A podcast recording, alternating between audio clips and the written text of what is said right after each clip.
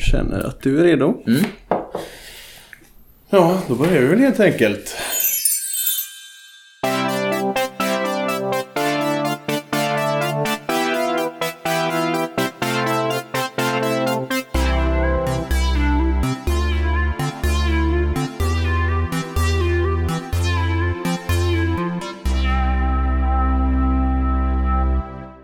Hej och välkomna till Böckerna bakom. Podden där jag, Hugo Hellman, pratar med personer som kanske inspirerat just dig om vad som i sin tur har inspirerat dem i litteraturens värld. Och idag sitter jag här med Jack Werner. Välkommen till Tack. podden. Tack. Det var jättenära att säga välkommen hit, men vi är hos dig så det är konstigt. Ja, Kalle Lind i Snedtänkt brukar säga ska du säga eftersom det är hemma hos dig vi är. Och det är lustigt för jag tror jag sa exakt samma sak när jag intervjuade honom för ett tag sedan. Mhm. Eh, ja, jag eh, kan göra ett eh, försök att presentera dig. Så får du eh, säga vad jag missar eller så får du göra det själv. Vad vill du? Hur vill du ha det? Försök. Jack Werner, eh, frilansjournalist, föreläsare, radiopratare med ett huvudsakligt intresse för eh, källkritik, spökhistorier och vandringssägner. Och i synnerhet då på internet. Och eh, du har arbetat med väldigt mycket, det var därför jag var lite rädd att jag kommer ju missa ganska mycket. Men eh, ett litet axplock av det är i alla fall den... Eh, du gjorde ett eh, långt reportage i Metro där det, eh, som blev väldigt populärt som heter Vem är Veronica? För Metros eh, ramar var det faktiskt väldigt långt eftersom att en vanlig artikel i Metro är ju mellan 1500 och 2500 tecken. Eh, Och det där var ju, om jag minns rätt nu, 26 000 tecken. Alltså det var ju så långt i alla fall att branschmedierna skrev artiklar där de ringde upp före detta chefredaktören Sakari Pitkinen och frågade är det verkligen okej att de publicerar så här långa reportage? Så att det var ju långt utifrån omständigheterna att Metro inte är en plats för så långa artiklar vanligen. Men sen var det väl inte längden som var det viktiga egentligen. Det var väldigt väl mottaget. Det handlar om ett eh, fake-konto, eller fake-persona. Eh, Veronica då, som du hade följt i hennes eh, spår i nätet och eh, försökt förstå lite varför och vem det var och sådär. Och sen så grundade du därefter då viralgranskaren på Metro tillsammans med ett par kollegor och eh, som då punkterar fejknyheter på nätet som florerar ofta i sociala medier och så. Och sen berättar du också spökhistorier på regelbunden basis i Creepy-podden. Och så har du dessutom släppt ett par böcker själv. Eh, Creepypasta, spökhistorier från internet. Och eh, den egna spökhistorien då under Slussen. Just det. Och eh, sen eh, boken med den trevliga titeln Jag skiter att det är fake. Det är för jävligt ändå. Som då handlar om osanningar på nätet. Ja, Jag tycker det var rätt heltäckande. Det som du möjligen tappar bort det är nog faktiskt inte särskilt viktigt. Eh, Det är liksom... Man gör en miljon saker och så är det tio som funkar och det är därför man pratar om de tio. men du har hoppat runt väldigt mycket på olika. Ja, jag är sådär eh, 80-90-talistiskt eh, rastlös tror jag. Eh, har liksom svårt att vara kvar på en och samma arbetsplats längre än två år. Och eh, har ju nu varit frilans längre än vad jag någonsin har varit anställd på en och samma plats. Liksom. I alla fall den här senaste vändan av frilansande har, har, har ju pågått i snart tre år. Eh, så att det finns ju någon sorts divalater i det där att liksom inte vilja låta någon annan bestämma utan att vilja själv kunna fatta alla beslut över vad man ska hålla på med och vad man inte ska hålla på med. Som jag börjar känna lite att jag tröttnar på också. Jag tröttnar lite på mig själv, att, eh, jag tröttnar på att höra mig själv prata. Jag tröttnar på att höra mig själv prata om saker som det var ganska länge sedan jag aktivt jobbade med. Jag menar källkritik på sociala medier som är min framförallt anledningen att jag föreläser. Det är ju liksom en färskvara. Det är ju någonting man ska jobba med tycker jag. eh, För att kunna prata om det med trovärdighet. Så att jag ska i vår, hade jag tänkt försöka hitta ett riktigt jobb. Spännande. Eh, vi kommer komma tillbaka till de mer specifika bitarna. Eh, men vi ska ju framförallt prata om böcker. Så jag börjar med den, eh, den ganska breda frågan. Eh, vad betyder böcker för dig? Jag har haft en av och till eh, storslukar attityd till böcker kan man väl säga. Eh, när jag var liten, alltså då pratar vi upp till liksom 15, så läste jag ganska mycket. Jag läste väldigt mycket serier. Eh, som typiskt så barnläsande av serier, att det fanns en superdrös utav liksom Larsson, Kalanka, eh, Ernie. Grejer som jag fortfarande, som jag idag kanske inte tycker Larsson och Ernie har tappat rätt mycket. Jag menar, det finns en Rocky-serie där han berättar om varför, att det är så konstigt att han när han var liten förväntades läsa Kronblom och 91 för att frågan var varför han skulle kunna associera till, till, till det tillvaron. Liksom som någon gubbe som eh, ligger på sofflocket och är rädd för sin fru. Liksom. Men Lucky Luke och Tintin och de här liksom Gaston, Spirou, alltså de här belgiska, franska, eh, hela den, den floran tycker jag väldigt mycket om. Mm. Och läste väldigt mycket. Och sen hade jag nu de senaste liksom, tio åren, jag har varit ganska dålig på att läsa. Eh, och eh, alltså, jag har varit dålig på att läsa för att det har ta, det, det, det har, jag har upplevt att det tagit för mycket tid. Eh, och att jag inte haft riktigt den tiden. Och att jag dessutom har haft lite svårt med, med liksom fokus, att verkligen komma igenom en hel bok. Um, och nu häromsistens för ett antal månader sedan så kände jag att det är ju en jättelöjlig grej att ha fokusproblem med. Det är klart som fan att jag ska läsa böcker. Det, jag, jag identifierar mig och ser mig själv som en bokläsande person. Mm. Uh, det finns ett skammått utav det. Alltså det finns ju ett mått av att vara en person som eh, försöker vara så intelligent som möjligt och eh, inte, läs, inte läsa böcker. Det finns ju en sån här, någon sorts snabbmats eh, association kan man dra till det. Liksom, att det är, lite, det är lite småskamligt att inte läsa böcker. Och jag tycker mm. det är en rätt okej okay och rimlig skambeläggning. Klart som fan du ska förväntas läsa böcker. Det är ju jättebra om du läser böcker. Mm. Eh, så att den skambeläggningen eh, tyckte jag funkade och sen skärpte jag mig lite grann häromsistens och har nu på sistone kommit in i vad jag tycker själv är tillfredsställande bokläsande med typ en bok i veckan. Och det är jag väldigt glad över. Mm. Sen har jag serierna har tappat en hel del. Jag märker det själv att jag har ju en väldig samling med serier. Och det är himla sällan jag öppnar dem nu för tiden. Eh, tyvärr. Mm. Sen har jag liksom... När jag, när jag väl gör det, jag menar, då är jag ju fast igen i de, i de, i de bra grejerna liksom. Mm.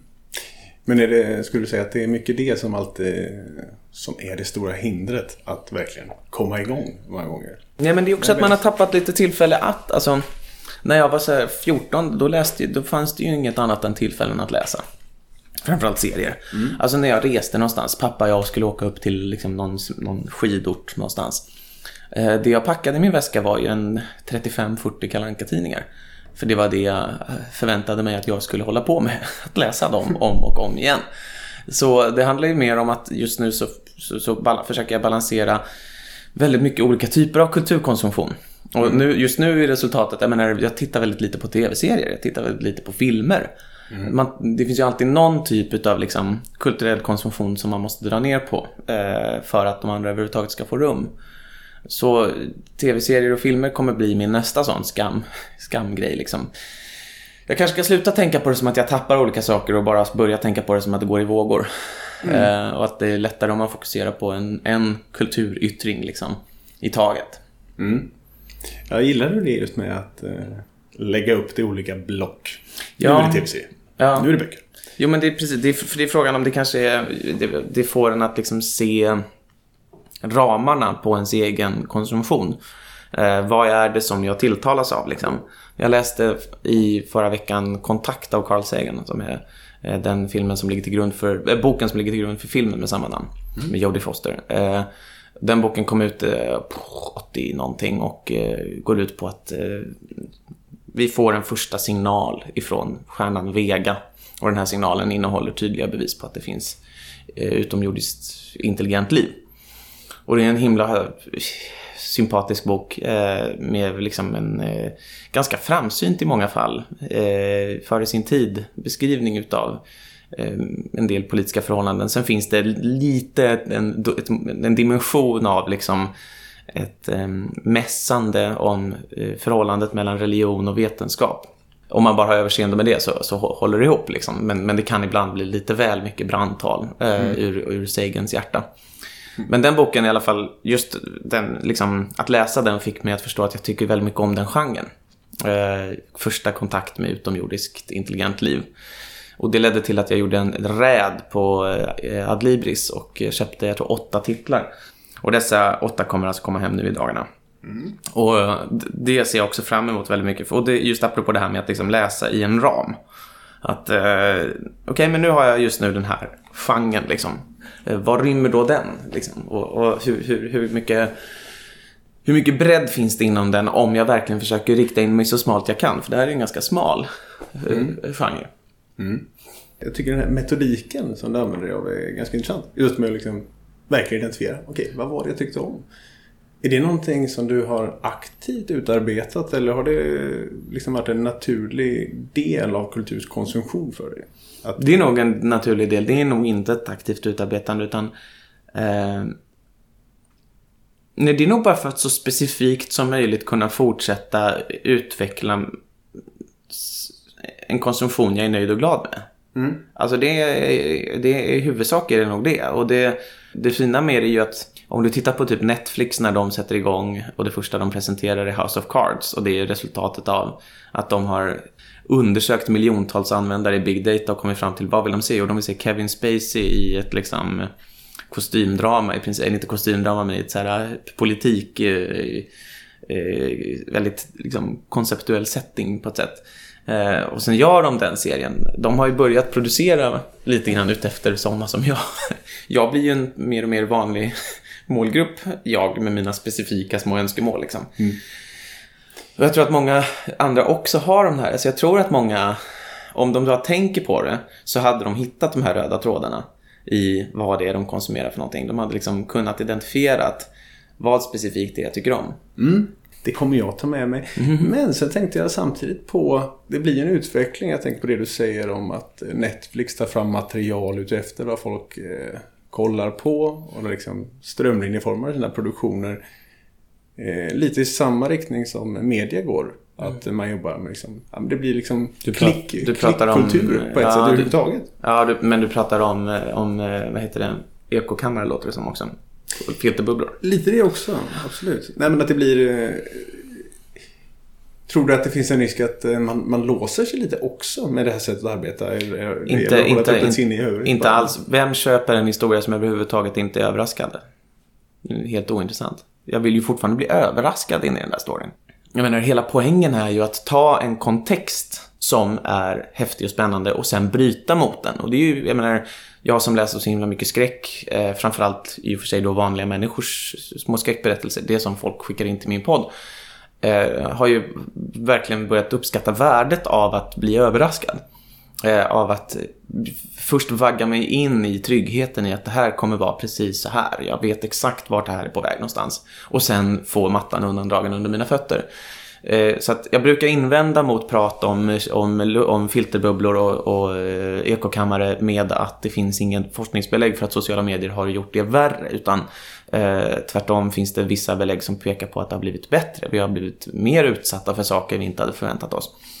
Eh, och på samma sätt är det nog här att, alltså, ja, nog för att jag vet ganska tydligt exakt vad det är för utgångspunkt jag tycker om. Men när jag köper en åtta böcker, då kommer åtminstone två utav dem vara på något sätt överraskande. Mm. Och sen kommer de kanske peka vidare i en annan riktning som jag i sin tur tycker att, ja men kolla här då, vad finns det här borta som jag inte förut kände till? För allting bygger ju på en tradition. Mm.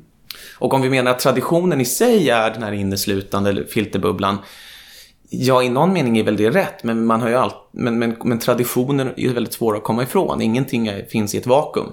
Eh, saker bygger på varandra liksom. Så att jag är inte särskilt orolig för att bli instängd mm. med det här tankesättet. Mm tänkte också på det här du sa innan med just att du har varit utan, eh, att du har eh, varit i perioder där du inte har läst lika mycket böcker och att det blir eh, jag kan eh, uppleva det lite som att man kanske låser sig fast lite i att läsande sker i böcker. Mm. För jag tänker mig att du, du har läst fortfarande gissar jag. Du har oh, läst ja. mycket skräckhistorier men just bara för att det inte finns inom en Inom en, en pärm, en pärm. Så, så räknar man det inte riktigt på samma sätt. Men har ditt läsande förflyttats väldigt mycket sådär också? I... Ja, alltså det som är skillnaden är ju alltså eh, förmågan att stanna kvar i en och samma kontext eller ram eller vad vi ska kalla det i mer än eh, 50-60 000 tecken. Eh, för det är ju annars liksom den avgörande, det, är ju det, det taket eller vad man liksom på ens läsande om man just inte läser en bok, tänker jag. Läser du en bok så tvingas du in i 300-400 000 tecken, liksom, om inte mer. Ehm, så det handlar nog snarare om så omfattningen och tålamodet med att vara kvar. Och som sagt också vara kvar även om allting inte är 100% vad du älskar. Och, jag tror att det finns en poäng att göra det. Eh, så att, ja, det är klart att jag har läst väldigt mycket även när jag inte har läst. Eh, men den läsningen har varit mera episodisk, mera, eller mera rapsodisk eh, och, och, och mindre sammanhållen. Eh, och mer skummande. Eh, och det är ju det här eh, lite djupläsandet. Min kompis eh, sa häromsistens när vi var på någon semester gemensamt att det han inte, han var missnöjd med någon bok han hade läst och det var för att han aldrig kände eller hörde den här rösten som han brukar höra i sitt huvud som läser upp det han läser. Han fick aldrig liksom kroppen kan man kalla det i, på, på, på storytellen utan det fortsatte vara hans egen röst. Och det är det jag tror är lättare att åstadkomma när du väl är inne eh, till hälften i en, i en bok. Liksom. Då kommer den här rösten för att du har börjat förstå ungefär vad det är för typ av eh, kropp av text som du, som du arbetar med. så. Mm. Ja, då har vi, lite, vi har fått lite koll här på dina, din relation till böcker, vad de betyder. Så jag tänker att vi ska gå in på de mer specifika, de du har valt ut. Och då kommer det vara uppdelat här i kapitel. Några kapitel som eh, sammanfattar kanske någon svarar på en fråga om dig och eh, vilken typ av påverkan de här böckerna har haft. Så vi eh, bläddrar helt enkelt in på det första kapitlet.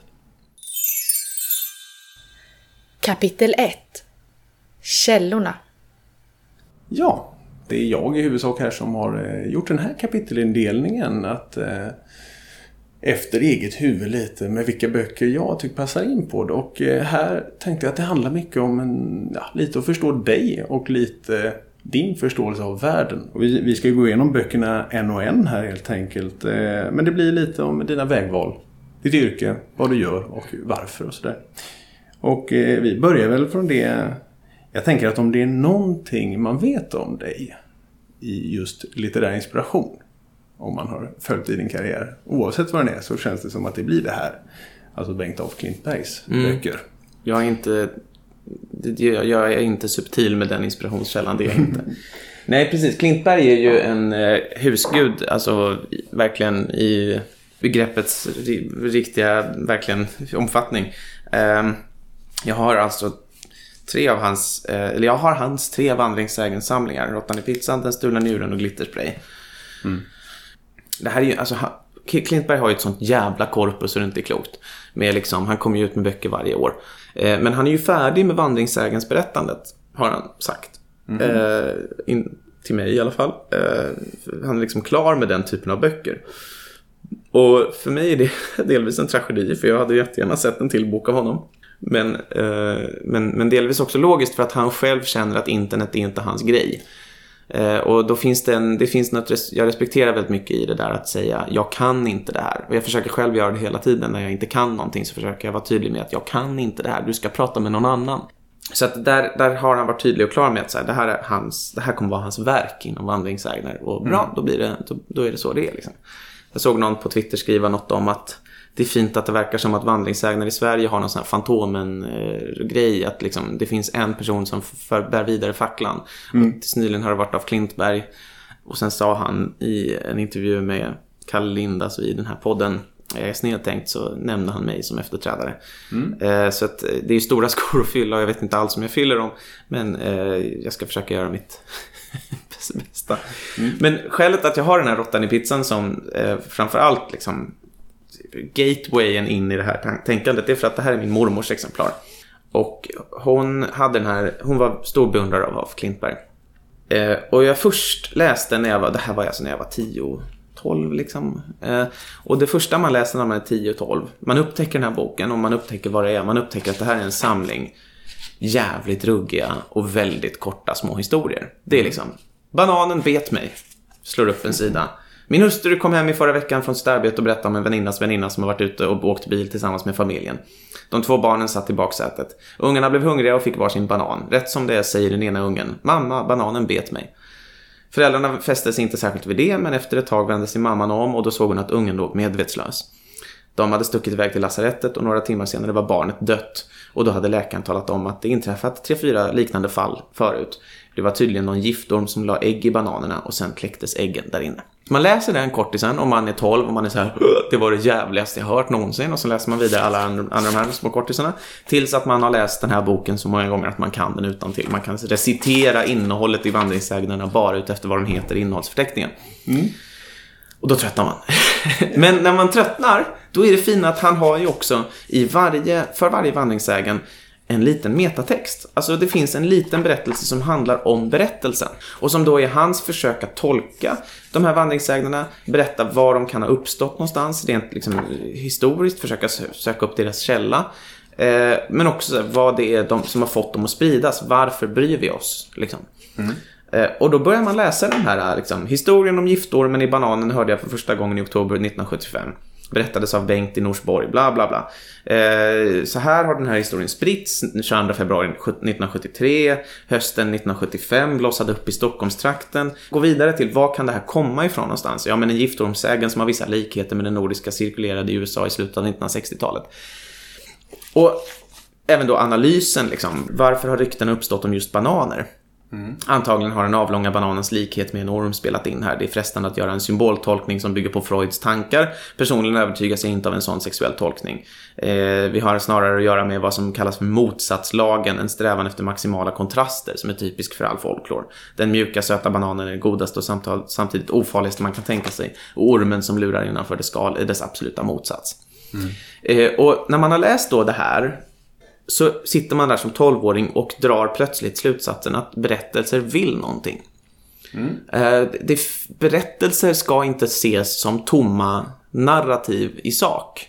För då missar man att ingen människa berättar en historia utan att ha kanske inte alltid en avsikt, men en tanke, en känsla, en vilja att illustrera ett försanthållande.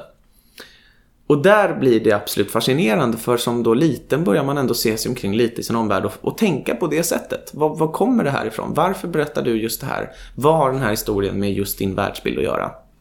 Och det här menar jag har haft stor inverkan på hur jag har överhuvudtaget förhållit mig till liksom, eh, kommunikation i, i, i mitt liv.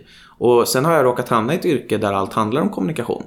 Eh, och råkat bli liksom inläst på en plattform som är extremt avgörande för hur vi i vår tid kommunicerar idag, sociala medier. Eh, och då blir det för mig helt, o, det, det är helt ofrånkomligt att läsa de berättelser som vi sprider idag med de ögon som Bengt af Klintberg gav mig. Mm. Så det är det de här tre böckerna har liksom, det är den rollen de har spelat. Att det, det handlar om att verkligen förse mig med ett par glasögon eh, som jag idag har så pass svårt att ta av mig att det nästan har blivit mina ögon. Mm. mm. Men hur, eh, hur ser du på liksom, vandringssägner i, i dagens medieklimat? Eller liksom i, på internet, i sociala medier och så vidare? Hur mycket av det här har en förlaga? Mycket av det vi ser idag, liksom, saker som är osant, skrämmande eller bara vilda spekulationer. Har du lätt att hitta liksom förlagorna till det i de här böckerna? Och att kunna känna igen, kanske inte den exakta historien, men i alla fall funktionen? Ja, ja funktionen precis, mer än historien. Alltså, om du tar Momo som cirkulerade på Facebook eh, nu här de mm. senaste veckorna. Idén om en eh, typ av skräcklek som förekommer på sociala medier som för barn väldigt tydligt är en spökhistoria men för deras föräldrar väldigt tydligt är faktiskt en typ av konceptualiserad vandringssägen. Här pågår det något läskigt på internet, akta er. Mm. Eh, väldigt mycket i likhet med liksom, den typen av berättande som barn ägnat sig åt kring salt och pepparligan har Bengt af Klint beskrivit om som är idén i olika förortsområden i Sverige att det har funnits något gäng med, med liksom eh, tonåringar som har kidnappat barn, skurit upp dem i armen, saltat och pepprat och sen sytt igen. Mm. Eh, och de, de, det, har, det, här kommer från massa olika håll. Liksom. Skräckföremål i utkanten utav vår tillvaro, den har ju alltid funnits och det betyder att vi ser konceptet i själva berättandet även idag. Men det är ibland svårt att liksom spåra tillbaka den specifika eh, narrativa uppbyggnaden. Alltså om vi pratar om karaktärsgalleri och, eh, och, och, precis, precis följd i händelserna. Den är inte alltid identisk. Mm. Jag tror vi, vi går vidare till, till nästa bok här. Mm. Eh, och då är det Albert Speer och sanningen. Av... Gitta serien Exakt. Eh, jag har ett ex som är liksom illa kantstött, tappat sitt omslag och så. Yeah. Den här boken läste jag när jag var 15 eller 14 kanske. Mm. Den fanns i min pappas bokhylla. Eh, pappa har eh, judiskt påbrå och eh, är väldigt intresserad av det även om han aldrig har varit liksom en, vad kan man kalla det, rättrogen praktiserande jude. Mm. Och den handlar om Albert Speer, alltså Hitlers arkitekt som han kallats. Mm. Och han var intressant på det sättet att han var den enda som någorlunda trovärdigt kunde hävda att han inte hade större kunskap om vad som hände under förintelsen trots att han var en väldigt central figur inom den nazistiska eliten. Mm. Och han, föl, han, han dömdes till ett långt fängelsestraff och satt i Spandau-fängelset. Och under det så intervjuade Gitarserien i honom under en lång period. Eh, och de pratade liksom om hans förhållande till nazismen och till liksom den stat han, inom, inom vilken han hade verkat. Och den här läsningen var spännande för att dels så gör Gitta-serien i ett väldigt mästerprov i hur hon sammanställer allt det här. Det är verkligen en fantastisk bedrift till bok detta. Men dels så blir hon också lite nära kommer kanske lite Albert Speer nära. Liksom. Hon skriver redan i för, den första meningen i förordet är Albert Speer som jag kände väl och kom att tycka om kunde mycket väl ha blivit hängd i gymnastiksalen i Nürnbergfängelset natten mellan den 16 och 17 oktober 1946. Alltså hon tyckte om Albert Speer för hon intervjuade honom jättemånga gånger och under en väldigt lång tid. Mm. Blev kanske en vän till Albert Speer. Han i sin tur hävdade liksom hårdnackat att han aldrig visste någonting om nazismens folkmord. Eh, och det kan man verkligen förstå om man har svårt att köpa. Att han mm. inte skulle känt till något om det. Liksom. Samtidigt som han i den här boken framstår som en sympatisk människa. Eh, en, en, en person som man gärna hade träffat. Liksom. Intelligent och, och smart och, och empatisk. Eh, och det är en bok det här som illustrerar såväl mångbottenhet, alltså det mångbottnade i en människa som svårigheten i att göra ett större, längre reportage utan att samtidigt också börja betrakta människan man intervjuar som just en människa. Mm. Eh, som journalist måste du ju hitta en del av personen du pratar med och låta den representera ditt intervjuoffer. Alltså, det kan, du kan inte förväntas framlägga människan i hennes eh, fullständiga prisma. Eh, för det blir för mycket. Eh, mm. Och, och, och, människan inrymmer också mot, liksom, motsägelser som kan vara svåra att redogöra för allihopa. Men där man snarare brukar då hitta, vad är en motsägelse som är mest talande för den här personen? Liksom? Vilken motsägelse kan jag mest fastna för? Och, och kan berätta den tydligaste historien om vem det här är. Mm. Så det är en bok, tycker jag, det här som på många sätt illustrerar liksom den största utmaningen kanske med att jobba med att försöka förstå människor. Och det är att människor är jävligt svåra att förstå. Ja, de är ju det. Mm. mm. Ja, det var jag... Eh, I och med att jag som sagt formulerade lite den här kapitelutformningen. Det var det jag tänkte just där med det. Både det journalistiska. Mm. Även om det kanske inte var den stora inspirationen till att ge dig in i den, den branschen. Mm. Eh, här, när jag läste den här var ju det överhuvudtaget inte på tapeten. Eh, när jag läste den här då var jag fortfarande troligen i förvissningen om att jag skulle typ bli serietecknare om något. Det ska vi komma till. eh, det är liksom... Jag har ju aldrig riktigt vetat vad jag exakt ska hålla på med och jag vet fortfarande inte riktigt vad jag exakt ska hålla på med. Eh, utan eh, jag, let, jag håller fortfarande väldigt mycket dörrar öppna liksom. Och jag känner aldrig riktigt att jag har hittat något som jag varit 100% bra på heller. Alltså där jag känner att här har jag verkligen kunnat eh, identifiera vilka styrkor jag har. Utan det är fortfarande lite så här, okej okay, men det här funkar bra. så länge det funkar så antar jag att det är okej okay, liksom. Mm. Eh, så, så den här boken tror jag inte jag läste med tanken, vad kan jag göra vad kan jag göra av det här? Som en, vad, hur kan jag göra om det här till mig, till, till, liksom, till, till mina egenskaper? Vad kan jag dra ut ur mitt perspektiv av den här boken. Mm. Jag tror inte jag tänkte så någonsin. Men jag vet att jag har, jag har liksom tänkt på den här sen i efterhand och, och mm. återgått till den och, och, reflekterat över vad den har varit. Mm. Så det är möjligt att den la sig där någonstans i bakgrunden. Mm. mm. Jag tänker att vi, vi går vidare till nästa bok. Det, och det handlar ju också om, eh, det är på samma ämne någonstans, men det handlar också om förståelse i stort sett. Och även då att förstå ditt stora intresse för serier. För nu handlar det då om Maus mm. av Art Spiegelman.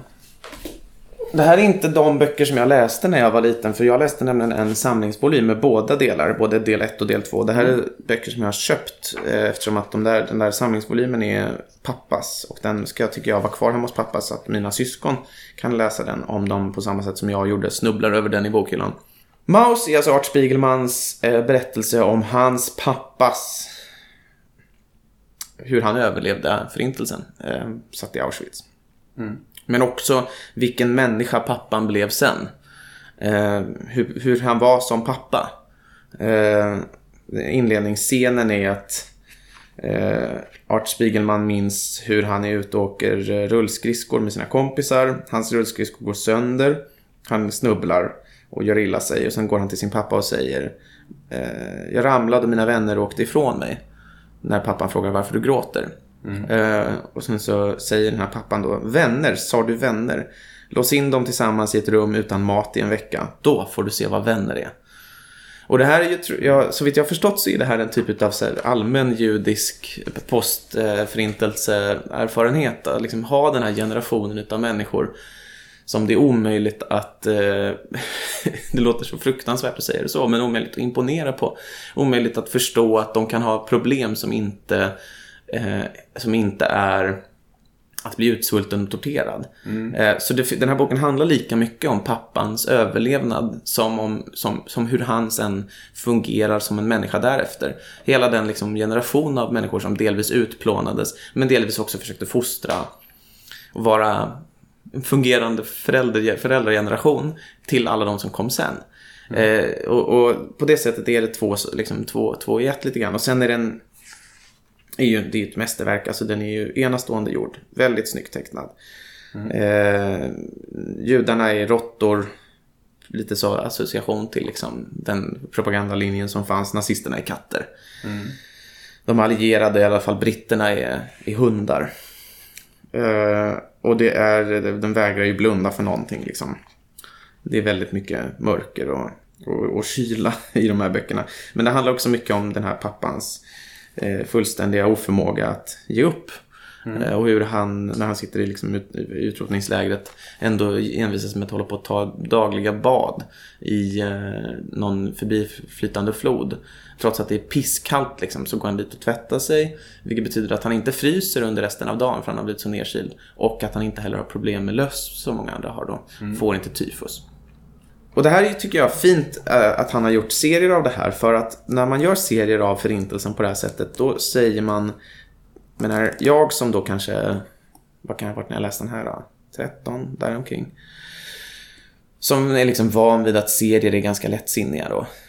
Jag upptäcker den här, den här berättelsen i det här formatet. Formatet vet jag att jag kan hantera. Jag vet att jag kan läsa det här. Och jag vet att jag kommer förstå det. Jag vet, det, det är inte någonting som anslaget eh, säger till mig, du kan förstå detta. Eh, och så läser jag det och sen ser jag det om ett ämne som är oerhört tungt. Liksom. Och jag tror att på det sättet fastnade den här boken mer än om vi tar till exempel Om detta må du berätta som ju vår generation fick utskickad till oss när vi liksom gick i skolan. Det var en levande historia, tryckte upp den och såg till att alla fick varsitt ex. Eh, men där den ju, jag minns mest bilderna ur den.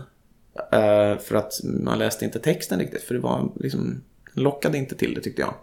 Här minns jag storyn, här minns jag liksom själva berättelsen också eftersom att jag läs, läste berättelsen.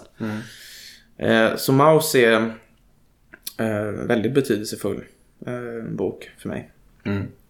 Jag la in den i det här kapitlet för jag tänkte just på det här. Fascinationen för serier och serier som eh, ja, men bärare av budskap på ett sätt. Men jag tänker att vi, vi går vidare också och tar den här Stig Linells bok Stockholms spökhus. Mm. Här har jag... Visst måste vi få in skräcken? Ja, precis. Eh. Skräcken är ju, även om det inte alltså, var, utgjorde inte en jättestor del av alla de böcker som jag läste aktivt när jag var liten. Så det var inte mycket skräck jag läste då, för jag var också lite för rädd. Alltså, det fanns en bok som hette Svenska spökguiden, som var en eh, liksom kort egentligen. Det var nästan som ett uppslagsverk över här är platser i Sverige som det sägs spöka på.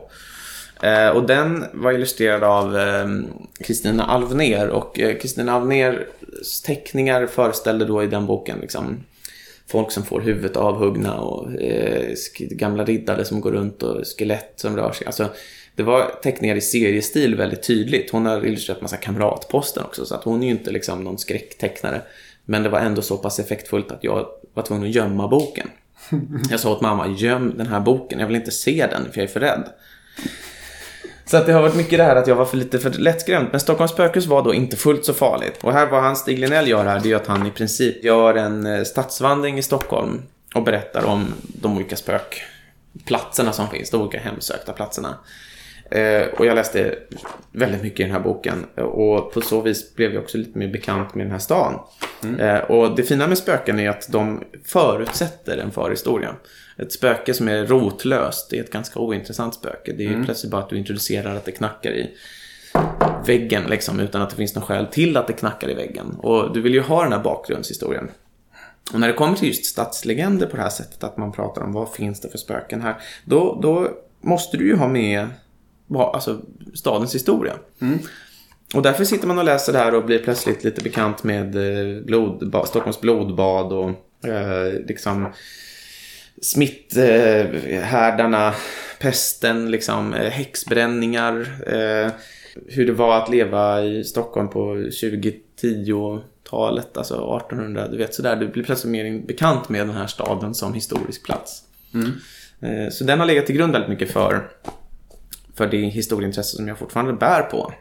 Och är väldigt, jag kan verkligen lockas av jag har en väldigt, om vi går tillbaka till det här med det här specifika historieintresset. Eller mm. det här specifika intresset att, att ringa in exakt vad det är man är intresserad av. Mm. Så har jag lyckats göra det nu och det är att jag är, jag är jätteintresserad av Sveriges historia men framför allt Stockholmsområdets historia. Eh, typ innan Stockholm faktiskt belagdes i eh, historieböckerna. Och då pratar vi alltså fram till 1200-talet. Och jag gillar verkligen bronsåldern. Svenska bronsåldern. Hyfsat tydligt definierad genom de fynd vi har gjort. Mm. Men fortfarande helt befriad på muntligt berättande. Eh, det finns ju inga textkällor annat än lite olika romare som eh, beskriver att det sägs att Thule etc. Och till och med där är det osäkert vilka, man, vilka det är man syftar på. Så det där är en sån, jag har liksom hittat min lilla, mitt lilla intresseområde och med anledning av det har jag också köpt på mig har så första delen i Sveriges historia som är en åtta bands jätteverk som handlar om Sveriges historia. Jag köpte just specifikt det, åtta, det första bandet. Mm. Jag ska se var det är någonstans. Eh, en jättelik bok, var fan står det någonstans? Mm, ja du. Jag tror kanske inte jag kommer hitta det här första bandet i Sverigehistorien. Men, Stockholm, men Sverigehistoria återkommer i det här bronsåldersmordet. Johan, Jonathan Lindström som är en också ruggigt kul faktiskt. Eh, genomgång utav exakt vad ett enda skelett kan liksom berätta oss om, eh, om svensk, eh, svensk eh, bronsålder. Eh, och genom verkligen ett enda skelett så får han ut så jävla mycket information och beskriver den på ett väldigt levande häftigt sätt. Så den här Stockholmshistorien är, tycker jag, eh, det, jag har upptäckt att där, där någonstans går jag igång. Mm. Och det har, för att återknyta till liksom Stockholms spökhus så så jag tror att det är för att man behöver ha den där levande bakgrunden till vad det är man... Till, till vår tids berättelser lite grann. Mm. Och det tror jag också eh, blir en lysande övergång till eh, vårt nästa kapitel. Så jag, eh, jag tror helt enkelt att vi, vi hoppar dit och fortsätter lite med Stockholms spökhus där.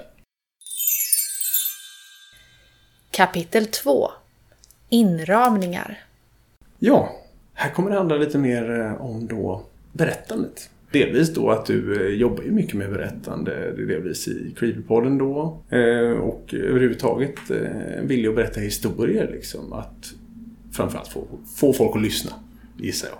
Mm. Eller läsa mm. för den delen. Men att det då kommer handla mer om liksom berättandets konst. Och där börjar vi direkt och går tillbaka till Stockholms spökhus. För som du började redan prata om där är det just det här att de behöver ett historisk kontext. Och tänka du får utveckla det helt enkelt. Ja, eller egentligen bara kroka det i en, ett, ett förhållande. Alltså, det, återigen, det är liksom som sagt då ett spöke utan bakgrundshistoria kommer ju inte särskilt långt. Mm. Eh, så att där blir det ju liksom en eh, mall på ett sätt i hur man sköter det här berättandet. Den kan bli tråkig och plattitydig. Det kan bli plattitydigt att liksom eh, i en spökhistoria etablera någon sorts hus som är läskigt och sen omedelbart nämna att ja, det ska ha, ha dött en flicka här i eh, liksom lungsot och det är nog hon som fortfarande hemsöker. Det kan ju bli rätt torrt. Eh, och det gäller där även där då att liksom ta formatet, ta det du är invand i och överraska. Eh, det är ju det som är utmaningen och det är det som är liksom lockelsen även för mig som läsare att bli lite överraskad. Mm. Och sen överraskningen när du försätter en spökhistoria på en adress i Stockholm som du kanske är bekant med. Säg Det finns ju något som, titeln här, Stockholms spökhus, det bygger ju på ett hus som, som ligger nära min, min högstadieskola då. Där har du just det här att jag känner till adressen till att börja med, så får jag den här fördjupade förståelsen av vad mm. adressen innebär i det kollektiva berättandet om platsen själv. Mm. Genom den här spökhistorien. Så att spökhistorier är ju ett djup. Mm. Eh, till en plats eller en person eller en, eller en tidpunkt. Och utan djupet blir det, blir, blir det, blir det, blir det ingenting. Mm. Det känns också som en eh, lite positiv spiral så att säga. I och med det där att det är dels att det väcker ett historieintresse. För att spännande historia. Vad mer kan jag lära mig om den här platsen? Mm. Eller liksom det, det väcker ett historieintresse som gör historien bättre i sig. Eh, och att men någonstans just att det känns som att med en spökhistoria att ju mer sanningsenlig och trovärdig grundhistorien, kanske ju mer banal den är i vissa lägen, eller liksom, ju mer normalt det är, desto mer effektivt är det som mm. i sitt berättande. Ja, det är ett sätt. Alltså, sen samtidigt, man ska ju veta att det här är ju min tradition, liksom, det är mitt mm. sätt att tänka på det. Sen vet jag att det finns Eh, människor skriver ju skräck av andra anledningar, bland annat för att de vill bearbeta ett så att säga mörker som de har fått någonstans ifrån själva. Alternativt ett mörker de har iakttagit i sin egen närhet. Så att det här är ju min, kanske lite duktiga liksom småputtrigt eh, lektor, lektormässiga skräckhantering.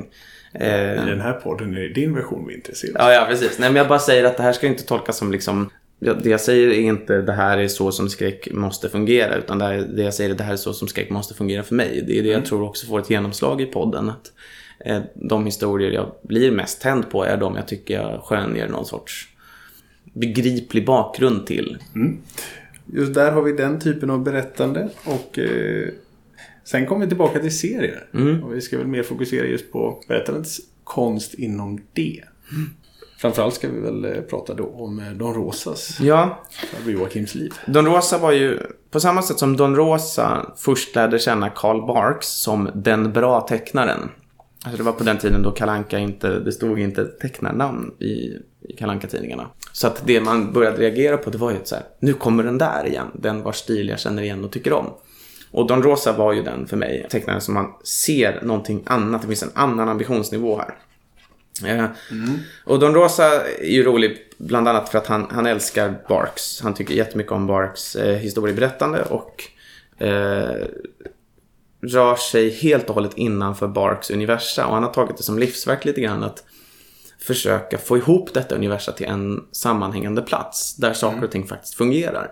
Så då sitter han och är så här, okej, okay, Barks placerar farbror Joakim i Alaska eh, våren 1896. Men sen är han i Australien sommaren 1896. Eh, hur fan går det ihop? Säger Don Rosa. Jo, okej, okay, det går ihop så här. Och sen berättar han historia, en historia som handlar om hur det förflyttandet går till. Mm. Och sen har han ibland varit tvungen att ha överseende med vissa eftersom att Barks har ibland sagt att eh, Joakim är på olika platser samtidigt. Eh, och då har han ibland varit tvungen att liksom ha överseende med det.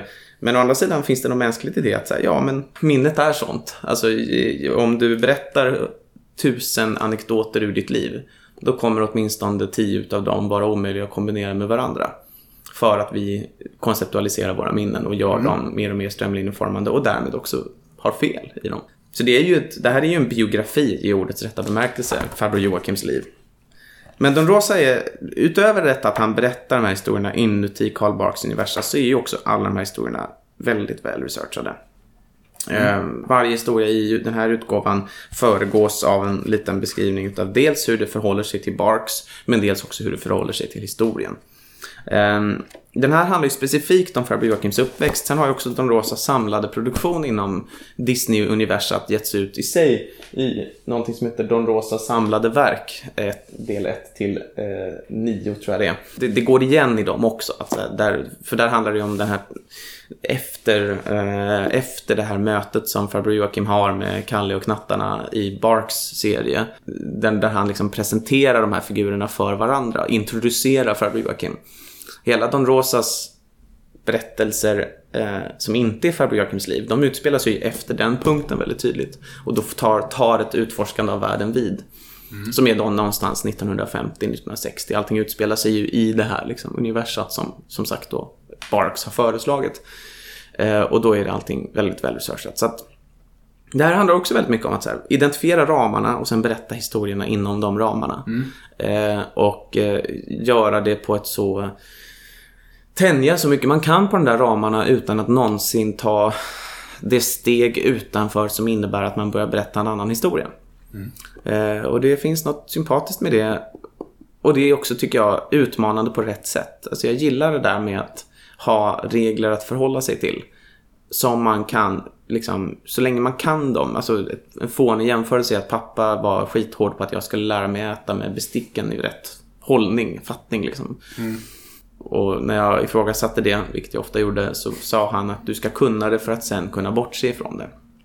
Alltså att man ska kunna göra det. Ribbing har varit inne, Magdalena Ribbing har varit inne på det också. Att det handlar om att kunna de där reglerna för att sen kunna bortse ifrån dem. För att bara veta vad är ramen här liksom. Eh, och och, och vad, vad kommunicerar jag när jag bryter mot ramen? För allt handlar om medvetenhet om vad det är du säger eller gör. Och det, går ju, det, det tycker jag går igen här. Liksom. När han bryter mot, mot Barks ramar, då vet han om att han gör det. Och då kan det till och med kanske förhöja det på något sätt eftersom att han därmed också tar sig friheten att bygga ut universum. Mm. Ja, absolut. Ja, Jag har läst mycket Don Rosa också i mina dagar. Jag har varit eh, också väldigt fascinerad av den här noggrannheten. Eller det här eh, att eh, försöka sätta det i kontext och jobba utifrån det. Inte bara då med Barksuniverset utan även... eh, Jag känner att jag har lärt mig mycket historia ifrån det. För han lyckas alltid paketera det på ett sånt intressant sätt. Liksom att ta en historisk, ett historiskt skeende. En upptäckt, någonting. Och liksom trycka in det i historien så sitter det som berget om man har liksom varit klistrad vid det. Jag var på, eh, nu på Bokmässan i helgen så hade de ett, eh, för Kalanka fyller ju 70 år i- i Sverige. Eh, Alltså Kalanka Company, tidningen. Eh, Och då var det ett panelsamtal med Stefan Diös, Lena Andersson, några andra som pratade om liksom Kalles inverkan på just deras liv. Och Lena Andersson sa det liksom att hon plockade ju upp begrepp ifrån Kalanka som hon först inte hade någon aning om vad det var. Eller om det var Stefan Diös, någon av dem som var så här. Osmos hade de liksom läst i någon kalanka serie Och sen tog det 15 år och sen satt de på högskolan eller universitetet och någon sa osmos är bla bla bla. Varpå de var så här, ja det visste jag ju fan. För det har jag läst i Kalanka. Så det går igen lite grann också i det här att tala ovanför lyssnarens eller tittarens eller läsarens huvud. Eh, rikta in dig strax ovanför så tvingas lyssnaren, tittaren eller läsaren att sträcka på sig. Eh, och det är ofta, jag tror ofta, oftare underskattar vi ju våra konsumenter än överskattar dem. Och det är synd för att genom att överskatta dem tvingar man dem också att vara de bästa versionerna av sig själva. Ja, och där känner man just med både Rosa och eh, om vi tar Maus igen då, Spiegelman. Att eh, det är väl någonting eh, som jag, eller du ger väl uttryck för det just det här med att serier erbjuder någonting på flera nivåer. Och det är båda de böckerna framförallt, nu är väl Maus kanske lite mer tydligt att det här, här siktas det högt. Men i Don Rosa så kan det vara att du kan ta det här som vilken underhållning som helst. Eller så kan du, om du vill, så finns det en utmaning för dig. Både i de tecknade detaljerna. Du kan snöa in dig på dem och gå riktigt djupt. Han eh, lägger in oerhört mycket detaljer i sina teckningar. Eh, men också i just kunskap. Ja. Här, här kan du läsa mer om. Det här är sant. Eh, och det, det är en fascinerande... Ja, men just det, serieformatet erbjuder någonting Ja. extra i det sammanhanget. Jag reste mig nu och hämtade en bok som heter Serier den osynliga konsten. Som är en eh, fackbok egentligen. Men som handlar om hur, alltså så att säga, det är en konstanalys eh, och litteratur, konst, litteratur eh, och berättaranalys av serien som narrativt verktyg. Och den använder givetvis serien själv som, som format. Eh, och det här, här har du bland det mest tänj, liksom, tänjande berättandet som man kan stöta på nästan inom, inom serier. Den är jättehäftig den här boken. Eh, just i hur den liksom berättar om sig själv. Eh, så att verkligen, eh, det- jag menar, den här gamla klyschbilden som finns av en person som låter bli att plugga eftersom att den har lagt in, eller genom att lägga in en serietidning i skolboken. Så att läraren ser skolbokens rygg, men inuti ligger en serietidning. Alltså, i någon mening undrar jag inte om den lär sig mer genom att läsa den där serietidningen än att läsa den där skolboken. Eftersom att de just kan inrymma i princip samma information men omsatt i en, i en gripande story. Ja. Jag hoppar vidare till den eh, sista boken här. I det här lilla kapitlet då. Och då är det Mannen utan ansikte. Jo, nej men alltså Henning Mankels eh, serie om Kurt Wallander läste jag väldigt mycket när jag var 15-16 kanske. Och eh, det är ju ganska klassiska konventionella deckare egentligen. Det är lite så Swedish noir liksom. Mm. Men det jag lärde mig älska i dem var att eh, det finns den här sjaskiga grundbottnen i berättelsen hela tiden. Eh, Kurt Wallander har konsekvent problem med näring, sömn och relationer. Eh, ofta också kroppstemperatur. Ofta är han för svettig eller för kall. Eh, och klassisk scen är ju liksom att han dricker kallnat kaffe. Eh, han går sen ut klockan 23.30 och äter en hamburgare på gatuköket. Och han funderar sen en sekund över att han inte har pratat med sin dotter på så länge. Mm. Och den där grundsjaskigheten har jag identifierat som något jag tycker väldigt mycket om. Jag gillar när, när liksom huvudrollerna lider lite och har det lite överjävligt. Eh, mm. som fond till berättandet i övrigt. Och jag tror att jag har fått det från, från Wallander faktiskt. Jag tror att det var någonting som, som, som byggdes upp där. Mm. Eh, så det är återigen den där ramen som eh, gör det möjligt för berättelsen att bli någonting mer än vad den är. Mm. Ja, men just jag tänker eh, det är det mångfacetterade mm. någonstans tanken. Mm. Och att det, det ger en frihet till historien. Mm. Att den kan gå åt vilket håll som helst. Om man har haft en dålig relation till sin dotter i tio kapitel i sträck. Mm kanske det kulminerar i någonting som har med det att göra. Eller så kanske gör det om tre böcker om vi nu pratar en sån serie. Mm. Men att det blir just om du alltid radar upp de olika krämporna man har, de olika problem man har så kan den ta vägen vart som helst. Mm. Också. Det, det, och det där är så här om man jämför, alltså nu vet ju, jag har aldrig hållit på med tv eller film och jag vet ju att det är eh, så att säga utsnitt man väljer, alltså klipp, eh, var man klipper, vad man fokuserar på. Allt det där vet ju jag är väldigt noggrant gjort. Men om man tittar på bildberättande i jämförelse med eh, textberättande så är det omöjligt för texten att inte prioritera inom bilden. Och vad jag menar med det är att en, en, en, eh, ett anslag i en film kan visa upp ett bord på vilket det står två flaskor, tom, två tomma spritflaskor, en halväten macka, en dagstidning och ett par skor. Mm. Och allt det här kan du se på ett, ett ögonblick och få en ungefärlig uppfattning av vad det här bordet symboliserar eller vad det anslår för någonting. Men om du berättar en, om du skriver i text en motsvarande scen, då måste du börja med något. Du måste börja fokusera på antingen det står två spritflaskor på bordet Sen gå vidare. Hur går du vidare då? Går du vidare till dagstidningen eller till, till den halvätna mackan eller till skorna? Mm. Skorna är ju tydligen där för att de sticker ut. Skorna är ju där och gör någonting eget liksom. Så vad, när går jag in på dem? Går jag in på dem för sent då, då riskerar jag ju liksom luras eller att jag har läsare som går miste om vad jag försöker säga med skorna. Går jag in på dem allra först då kanske de skänks en eh, orättvis tyngd i just själva scenen.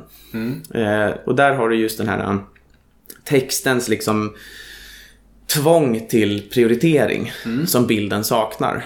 Eh, och som serien i någon mening faktiskt har. Eh, men som en, en, en, berättelse också alltid behöver lite grann. Att du måste ha de här flera olika lagrarna på vilka olika historier byggs. Och du måste kunna prioritera mellan dem. Eh, men att om, om du tar Tjechovs gevär, liksom, det ska hänga på väggen om det kommer användas senare i storyn. Eh, regeln liksom. Mm. Men i en serie kan ju, eller liksom, det kan ju också vara så att Tjeckos, att geväret bara hänger där. Eh, det är ju liksom i någon mening upp till dig. Mm.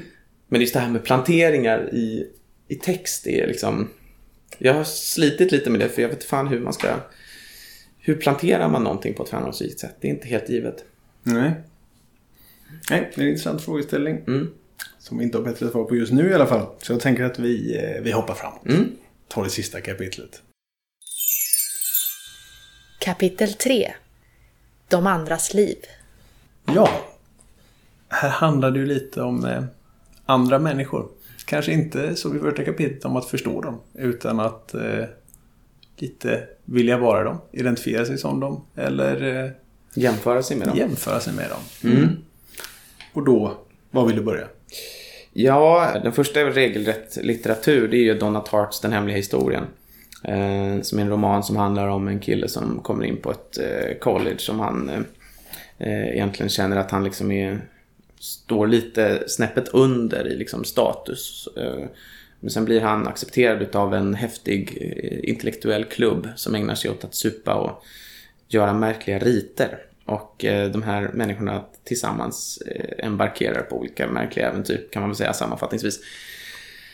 Och den här boken läste jag som 18-åring och kände att det var den ultimata 18-åringsboken för att det är liksom... Det låter precis som någonting häftiga 18-åringar gör. Eh, men som jag var alldeles för ohäftig för att göra. Jag kunde inte föreställa mig att jag skulle vara välkommen i den här klubben. Och därmed kan man också lite grann identifiera sig med Richard, huvudkaraktären, som ju plötsligt blev välkommen trots att han inte heller riktigt tänkte sig vara det. Eh, intelligenta, svala. De flesta beskrivs också som ganska sexiga om jag minns rätt. Att det liksom är personer som är liksom, ha, har en typ av övermänsklig eh, sensualism på något sätt. Eh, och den är man då 18 år och är svettig typ kliar sig i stjärten och känner tänk om det vore, man vore sån va. Men så den handlar väldigt mycket om att just bara definiera sig själv gentemot de här figurerna som förekommer här.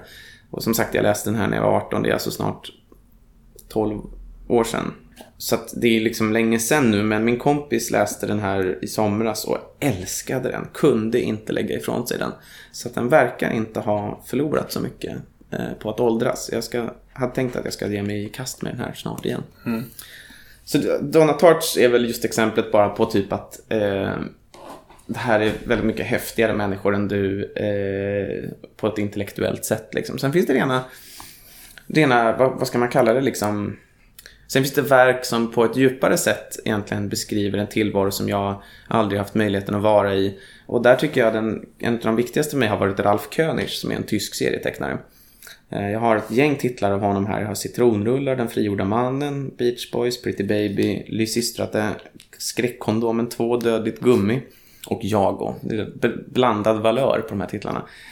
Vad han är, det är att han är en 80-90-tals... Eh, liksom, han var, lite då han var liksom ung. Mm. 20 typ plus. Född kanske början på 60-talet skulle jag tro. Och han beskriver hur... Eh, han, han, skriver relationsromaner om bögar. Präglat av liksom 80 och 90-talet. Så det är mycket hiv i bakgrunden. Och, eh, men det är också bara mycket liksom vardag och kärlek. Och, och lite politik och jävligt mycket sex. Mm. Eh, och de här böckerna läste jag verkligen mycket när jag var i övre tonåren. Sen har fortsatt hänga, hänga, hänga fast vid. De är inte helt lätta att få tag på. Mm. Och den här boken Jag till exempel här, det är alltså en liksom ett koncentrat av nästan alla Shakespeare, eller de flesta Shakespeare-pjäserna som är liksom stora och riktigt kända. Som han har omsatt i, som sagt, ett koncentrat som handlar om bögar. Eh, och det är, sån, det är en fantastisk historia, inte minst för att det har sån jävla energi och berättarglädje. Utan också för att dialog är, dialogen är ofta jävligt on point och bra. Det här är liksom bland det bästa i serieväg jag vet att jag någonsin har läst. Så det här är väldigt, eh, det här är bra grejer. så König eh, tecknar liksom, eh, utöver jag och så har vi ju liksom Beach Boys och Pretty Baby som ju verkligen är böcker som handlar om helt vanliga killar som går runt på stan i princip och, mm. och, och, bara lever sina, sina liv. Och eh, här har du ännu mera dialog, alltså att det briljerar ännu mera i dialogen. Mm. Eh, det, är, det är väldigt, väldigt trevliga historier. Mm. Som just också ger lite grann inblicken i sig, ett vuxenliv. För där är vuxna människor. Som bara beter sig som folk gör mest. Och när man är eh, när man är 17-16 så kan det vara ganska avkopplande att läsa de här kåta idioterna. och, och inse att man själv är nog... Det, det, det liksom, kommer nog inte vara så stor skillnad i ens, i ens eget åldrande. Nej. Och eh, ja. Och sen hade du då, som vi redan nämnt, Rocky. Mm. Eh, jag har, vad är det, vad kan det där tänkas vara? 1, 2, 3, 4, 5, 6, 7, 8, 9, 10. Kanske uppåt 20 Rocky-album. Så han har gett ut uppåt 40. Eh, så att det, han har ju liksom en jätteproduktion fram tills att han abrupt plötsligt nu i våras tror jag eh, slutade. Men Rocky var ju, Rocky var ju det speciella med Rocky att den började gå i Metro när jag började gå på Adolf Fredriks musikklasser. Det vill säga när jag började åka kollektivt för mig själv i Stockholm. Mm. Eh, men Rocky är ju en 20 sorts, när, när, när den här serien börjar då är han ju en sorts 25-åring som jag aldrig själv har varit. Eh, han är en knullande, en supande, en oansvarslös, en vräkt, eh, en ruinerad, en eh, rätt amoralisk och, och rätt stökig kille. Som är motsatsen till mig på många sätt. Alltså jag har, försöker ha, jag gillar med ordning mer än vad han gör. Mm. Jag gillar att vara full mindre än han gör. När han är den här 25-åringen i alla fall. Eh, tråkigare på många sätt. Eh, men samtidigt så är Rocky så himla mycket en person i samma stad som, som man själv har varit. Liksom. Mm. Så att han ger en spegelbild lite av ett liv som ligger så pass nära att det för mig är relevant men så pass långt bort att det för mig är spännande. Mm. Eh, och det har gjort honom till en verkligen en så omistlig del av liksom, den här äh, kartoteket av bilder som man rör sig igenom mm. i vardagen. Men är, det, jag tänker, är du, har du varit avundsjuk på den här livsstilen? Alltså de flesta är avundsjuka på, att det, på, på de som knullar liksom. Eh, det är väl ganska genomgående. Så här. Man, läser om, man läser lite om det man åtrår. Eh, även livsstilsmässigt liksom. Men, men samtidigt så kan jag liksom själv så tydligt peka på att varje gång jag har liksom närmat mig den livsstilen så har jag ju dragit mig tillbaka. Alltså, att umgås med människor som jag uppfattar som extremt mycket mer intelligenta än jag ger mig bara mindervärldskomplex. Eh, att supa gör mig bara trött. Eh, det håller ju inte. Jag vet ju det vid det här laget, att det är ju inte jag. Så det betyder att ja, det finns en, det finns en liksom någon sorts eh, emotionell avundsjuka på, att, så här, på de scenarier som jag inte själv har liksom levt ut till 100%. Men jag vet samtidigt också att den är bäst på håll när den är i någon annans liv. Medan jag trivs bäst med att läsa om den. Mm. Eh, och det är väl en rätt torr inställning till livet. Det är möjligt att det finns någonting i det där som jag kommer att ångra på dödsbädden. Men eh, vi kommer alla ångra grejer på dödsbädden så att det är bara välj din grej liksom. Ja. Eh, det känns lite som en så här sjunken kostnad eh, jo, fråga så. någonstans. Att man, jag borde vara kvar här ute. Det är ju kul. Ja. Det skulle vara kul. Jag kommer ångra mig att gå hem. Precis. Men så gör man inte det. För man är ju inte den personen. Nej, man är ju inte den. Precis. Man förlorar egentligen bara några timmar. man förlorar inte så jävla... Alltså FOMO är alltid stark, starkare än, än kvällen när man väl tar sig ut. Eller nej, fan, nu är, jag, nu är jag för pessimistisk. Man har ofta kul när man följer impulser, men hela poängen handlar om att hitta den där balansen i vilka impulser man ska följa. Ibland blir det ju bra, ibland blir det inte bra. Det handlar bara om att inte alltid följa... Hade jag alltid följt mina impulser, då hade det varit helt omöjligt att leva med till exempel. Mm. Men skulle du säga Safear du mycket, så att säga? Gillar du att, eh, försöker du undvika att misslyckas med saker? Ja, jag gillar ju till exempel som jag var inne på förut inte att liksom eh, jag gillar inte att kasta mig in i polemik i områden där jag inte känner att jag har absolut 100% på fötterna. Jag gillar inte det har ju lite att göra med den roll jag har fått också. Att så här, vara den här källkritikskillen som liksom kommer att... Eh, när jag säger något så är det finns lite folk som förväntar sig att det då ska stämma. Mm. att det inte ska finnas några sakfel i det och att det inte ska vara några slarvfel i det. Eh, och den förväntan förpliktigar ju eh, och gör att jag generellt är försiktig. Jag har blivit mycket försiktigare till exempel de senaste fem åren på vad jag skriver liksom, på sociala medier eh, generellt eh, i mina texter specifikt. Mm. Men det handlar också lite grann om att, tror jag, vara i en mellan... Jag menar, när man är typ 18, 19, 20, 21 så är man så jävla säker på att man har fattat allt. Och då är man mycket, det är mycket lättare då att skriva fruktansvärt förbannade texter där man är såhär, du är en idiot, skriver man till liksom. Jag skrev massa sådana till olika chefredaktörer, bloggposter när jag var liksom 21 skrev jag en massa sådana här, fan vilket dumt beslut, jävla åsna liksom. Och så fick det lite genomslag och folk var lite så här, bra skrivet av den här. Så, och så var det en del som ledde lite grann till att jag liksom sen en vacker dag kunde få, fick jobb som jag annars kanske inte hade fått.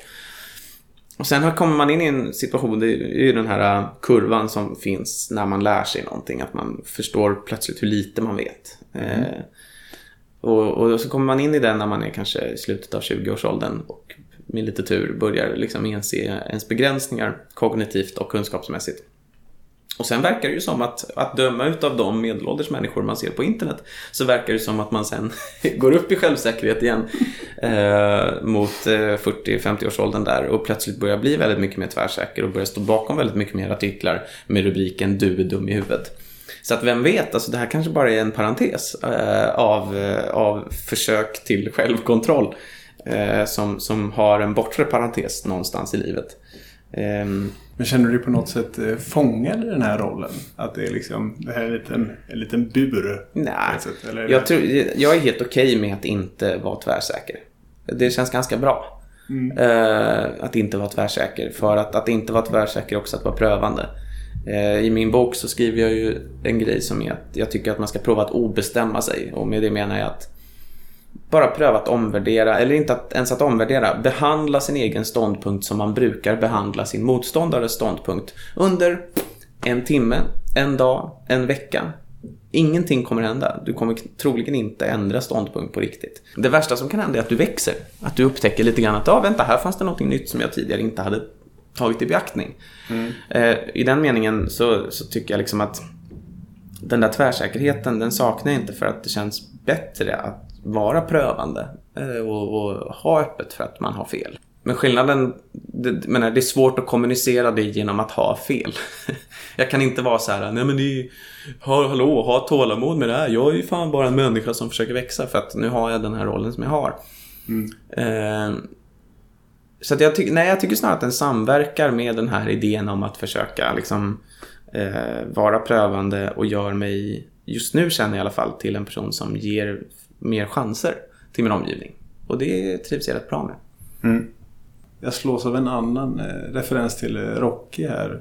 Jag tror att han i sin tur refererar till Robert Broberg och någon eh, föreställning han har mot slutet av sin karriär där han tar en hopfällbar stege, eller trappstege, ställer upp och ner och beskriver att så här är livet. Det börjar på topp, sen går man ner, men sen vänder det igen. Men att han sen då själv säger det där är inte alls vad livet är. Livet är en väldigt smal stege som ligger över ett stup. Och man måste gå jävligt försiktigt för att inte trilla ner.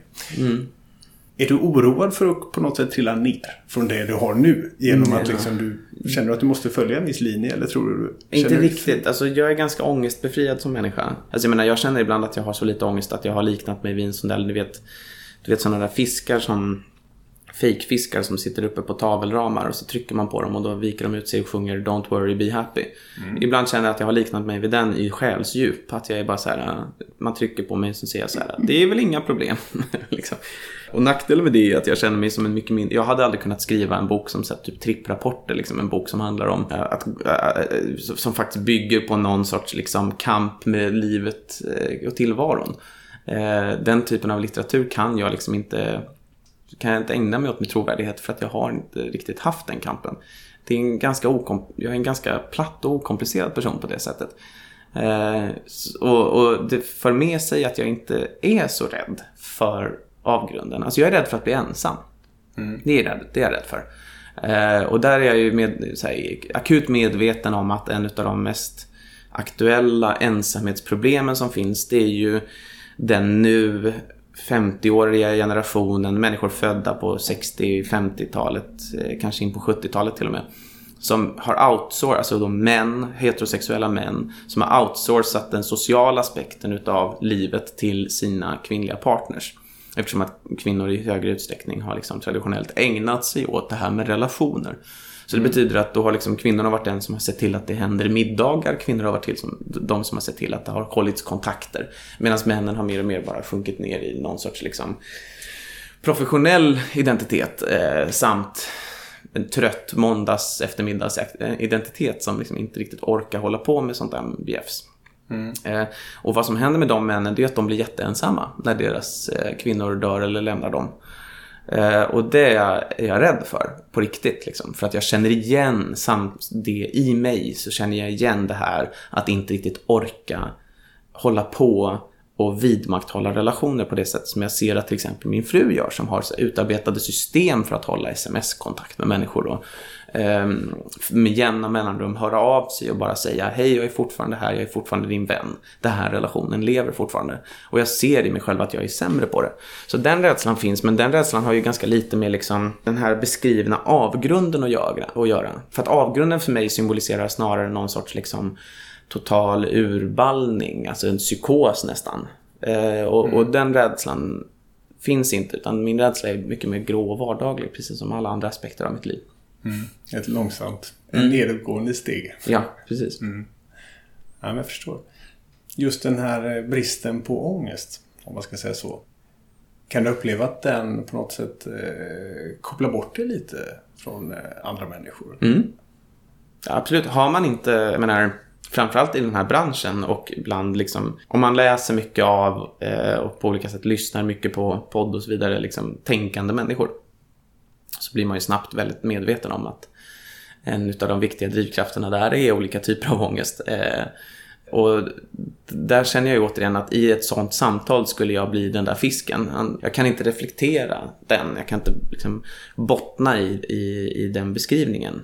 Jag kan givetvis eh, liksom, eh, empatiskt leva mig in i den och jag kan tänka mig tillvaron. Jag kan, du vet, vara nyfiken på den och vara förstående med den. Men jag kan ju inte ha det här äh, igenkännande ögonkastet med, med, med dem som jag föreställer mig att man som helst vill ha. Eh, Så att där absolut, det är ju liksom en avgränsning är det ju. Eh, Sen vet jag inte i vilken utsträckning alla mina vänner är jätteångestbefriade, det tror jag inte de är. Eh, Men, men jag tror absolut att jag dras till människor som kan uppvisa någon sorts grundläggande kontroll över sig själva. Eh, Det tror jag är att jag tycker är attraktivt. Trygga människor. Så där finns det nog också en sorts avgränsning. Liksom. Men de där jävla avgränsningarna har, ju, har man ju liksom. Ja.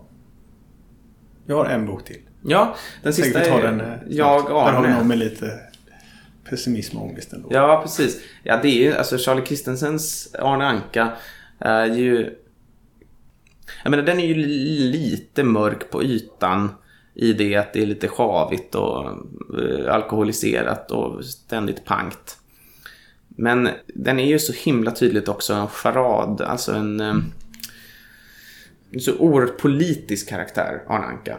Man, kan, man har nästan svårt att se liksom, privatlivsfiguren eh, för att allting som inträffar är politiskt.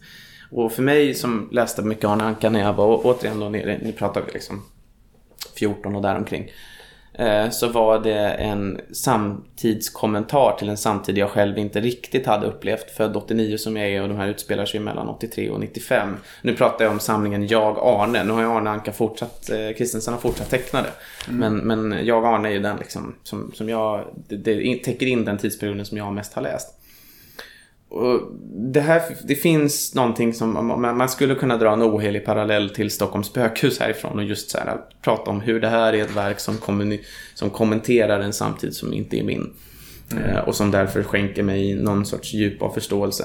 Eh, men sen tycker jag också att det är roligt för att just Arne, Jag Arne är en bok som tydligare än mycket annat visar eh, progressionen hos en person som lever på att skapa. Alltså den första serien med Arne Anka, eh, där är figuren väldigt så trubbigt. Jag menar, det här är en, en, eh, nu pekar jag på en teckning av Arne Anka som är så himla tydligt ovan vid att rita den här näbben, inte minst. Den är ju ful som fan. Och Charlie Christensen är ju vid det här laget hyfsat bekväm och avslappnad i att rita, men, men tydligen är figuren här så himla ny. Så att här är liksom den här tidiga Arne Ankan är så mycket ett exempel på en person som inte har hittat sin, sin form än. Och sen, ju mer man läser boken, desto mer hittar Arne Anka sin form. Och när man börjar komma mot slutet så är det liksom den mest, alltså det här är den igenkännliga Arne Ankan. Eh, här är ju liksom figuren, här har formen blivit eh, skarpare i liksom karikatyr, karikatyren på något sätt. Och hittat sitt tonfall. Så att det jag läser den här boken för också är för att hela tiden liksom göra den här kontrastverkan mellan det första och det sista. Eh, I hur en sån här figur utvecklas. Och det blir också en spegel utav var man själv befinner sig. Jag menar, jag tror att det finns en sorts halveringstid i, i ens förhållande till de texter man har skrivit. Och att den halveringstiden är eh, när man är typ 18 och läser något man har skrivit när man var 16. Då cringear man.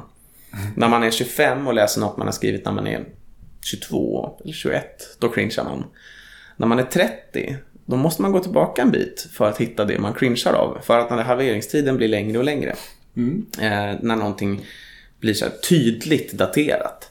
Eh, och det är det som också är lite intressant att man måste hela tiden, jag tänker hela tiden på hur, hur kommer jag uppfatta mig själv om 10, 15, 20, 30 år? Eh, var kommer det vara, hur, hur, tydligt kommer det vara att jag befann mig mitt i en process respektive i slutet av eller i början av en process?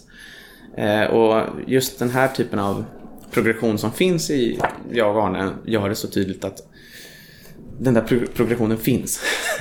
och, och, det är skönt att tänka på den för att tänker man på den då tänker man också på liksom man kan säga så här, hade jag gjort om typ min gamla P3-dokumentär från 2015, hade jag gjort om den nu, då hade den ju låtit annorlunda liksom. Eh, men det var nog det bästa jag kunde åstadkomma hösten 2015. Mm.